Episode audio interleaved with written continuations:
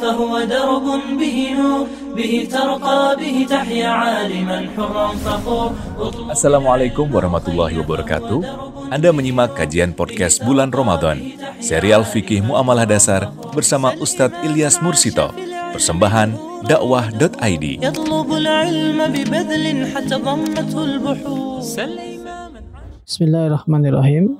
Assalamualaikum warahmatullahi wabarakatuh. Sahabat pendengar dakwah ID di mana pun anda berada, semoga selalu dirahmati oleh Allah.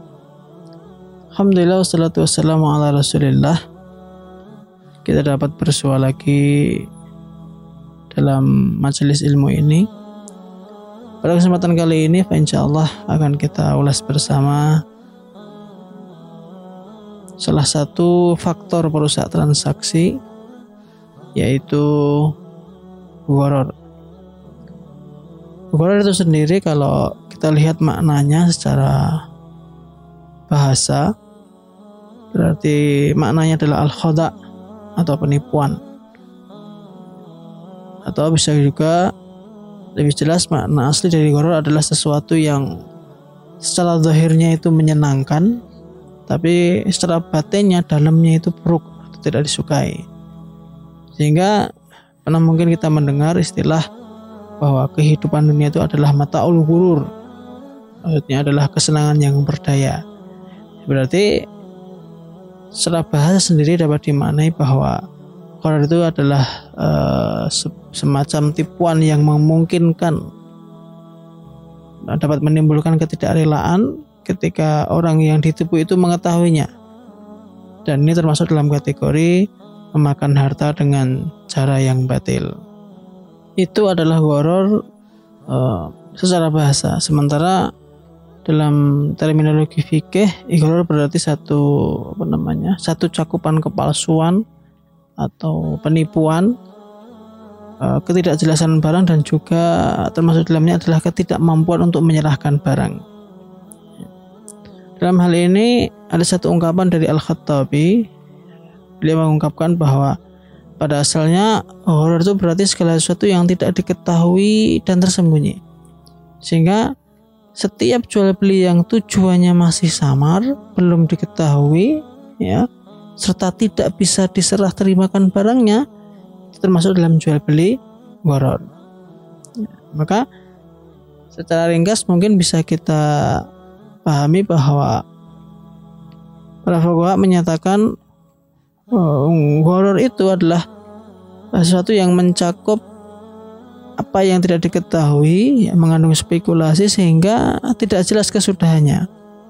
Sehingga jual beli yang mengandung goror itu berarti jual beli yang tidak diketahui eksistensi objeknya begitu juga kadarnya dan juga kemungkinan bisa diserahkan atau atau tidak. Ada beberapa faktor yang menyebabkan terjadinya goror jadi satu transaksi itu bisa mengandung unsur goror dengan beberapa faktor yang pertama adalah adanya unsur ketidakjelasan yang terkait dengan transaksi itu sendiri atau dengan objek transaksi.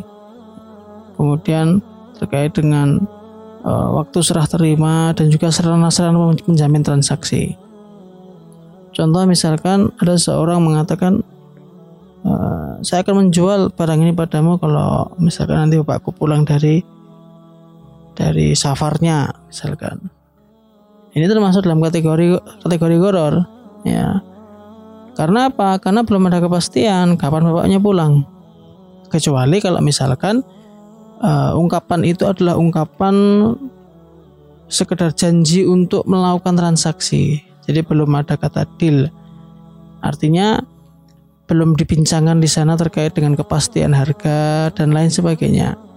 Sebab perlu diketahui bahwa kalau di sana sudah ada apa namanya perhitungan harga sudah ada omong-omongan harga bahkan mungkin sudah dipastikan itu berarti sudah transaksi nah, sehingga kalau dia dikaitkan dengan sesuatu yang belum pasti kejadiannya maka termasuk dalam kategori goror atau misalkan juga ada orang yang mungkin dia hobi mancing atau mungkin nyari ikan gitu ya.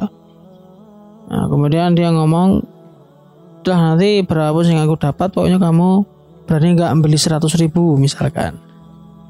Nah seperti ini sudah transaksi padahal barangnya belum belum ada. Horror itu namanya. Soalnya kalau misalkan dia mengatakan nanti kalau aku dapat kamu mau beli apa enggak? Misalkan dan belum ada di sana hitung-hitungan harga. Nah itu disebutkan nah itu berarti masih dalam tahap uh, janji melakukan transaksi jual beli. Dia belum jual beli secara real belum karena belum ada hitung-hitungan harga. Artinya nanti ketika mungkin orang yang mancing tadi dapat barang, ya berarti masih ada kemungkinan calon pembeli tadi tidak jadi membeli. Ada juga mungkin uh, horor terkait dengan harga. Ya, mungkin ini sering kita dapati. Ada mungkin ibu-ibu karena dia hobi menjual barang gitu ya. Kalau dijual dengan cara cash misalkan harganya 150 tapi kalau dijual dengan cara kredit nanti jadinya 250 berarti selisih 100 eh, ribu kemudian ada tambahan ya 250 itu dia dibayar selama lima kali misalkan. Ya dibayar selama lima kali. Nah kemudian ada ketentuan nanti kalau lebih cepat satu bulan itu dapat potongan 10.000 kalau lebih cepat apa namanya uh, kebalik ya mungkin dibayar selama lima kali lebih cepat uh, satu bulan itu mungkin sepuluh ribu lebih cepat dua bulan. Itu tambah lagi dua puluh ribu lebih cepat tiga bulan. Tambah lagi pengurangannya tiga puluh ribu misalkan. Jadi per bulan itu dikurangi sepuluh ribu. Nah ini menimbulkan horor pada harga. Kenapa bisa seperti itu? Karena harganya akan menjadi banyak. Ya. Yang pertama harga 250.000 yaitu harga berapa? 5 bulan. Kemudian harga 4 bulan menjadi berarti dikurangi 10.000 240.000. Kemudian harga yang dikurangi lagi jadi e, 230.000 begitu seterusnya. Sehingga harganya bukan hanya harga kre, apa namanya cash atau kredit satu tapi cash kemudian kredit kurangi satu bulan kredit selama lima bulan, kredit selama empat bulan, kredit selama tiga bulan, uh, menjadi lebih dari berapa harga itu banyak. Ya. Ini ada ada satu nas yang apa namanya satu hadis yang menyebutkan tentang persoalan ini bahwa Rasulullah SAW itu melarang jual beli dengan dua harga. Ya. Nah, Rasulullah SAW an ini fi fi bayatin. Jadi dia menjual dengan harga yang opsi harga yang banyak. Nah, ini tidak diperbolehkan kecuali kalau misalkan si pembeli menentukan ya si penjual memberikan tawaran seperti tadi kemudian pembeli menentukan ya sudah saya pilih yang lima yang lima bulan saja berarti 250 ribu. Nah, nah dalam hal ini uh, kalau mas apa namanya akan lebih baiknya kalau misalkan penjual tidak tidak usah dia apa namanya memberikan uh, pemberitahuan di depan kalau nanti ada potongan per bulan sekian sekian sekian nggak perlu ya jadi cukup nanti kalau misalkan ternyata pembelinya itu dia sudah apa namanya uh, dia ternyata membayar lebih cepat kemudian di pertengahan tanpa dia memberitahu dikasih potongan itu lebih baik daripada dia utarakan di depan uh, justru malah menjadi menjadi goror kemudian uh, goror juga bisa terjadi pada sarana penjamin. Maksudnya adalah misalkan ada seseorang yang tidak bisa membayar dengan cara lunas, cash, kemudian dia apa namanya mengajukan barang gadaian misalkan. Maka dia harus tentukan barang apa yang akan dia gadaikan. Barangnya apa, seperti apa, di mana dan serahkan dengan segera. Sehingga tidak akan ada di sana goror ketidakjelasan barangnya mana katanya mau menyalahkan barang gadaian atau mungkin kadang juga ada yang apa namanya dengan penjamin orang yang yang mau menjamin. Nah orang yang mau menjamin ini juga harus diperjelas siapa orangnya dan dia juga harus tahu bahwa dirinya menjamin orang tadi. Jangan sampai itu hanya klaim sepihak. Karena kalau hanya klaim sepihak ya kasihan nanti. Ada horor di sana. Itu akan menimbulkan tanazuk di antara di antara pelaku transaksi. Akan menimbulkan percekcokan di antara mereka. Yang satu merasa dijamin, tapi penjaminnya tidak tahu menau terkait dengan dengan transaksi jaminan tersebut. Ini faktor yang pertama. Bisa jadi terjadi pada harganya, pada objeknya, pada apa namanya sarana penjamin, ya, atau beberapa hal lain yang yang terkait dengan uh, poin-poin tadi.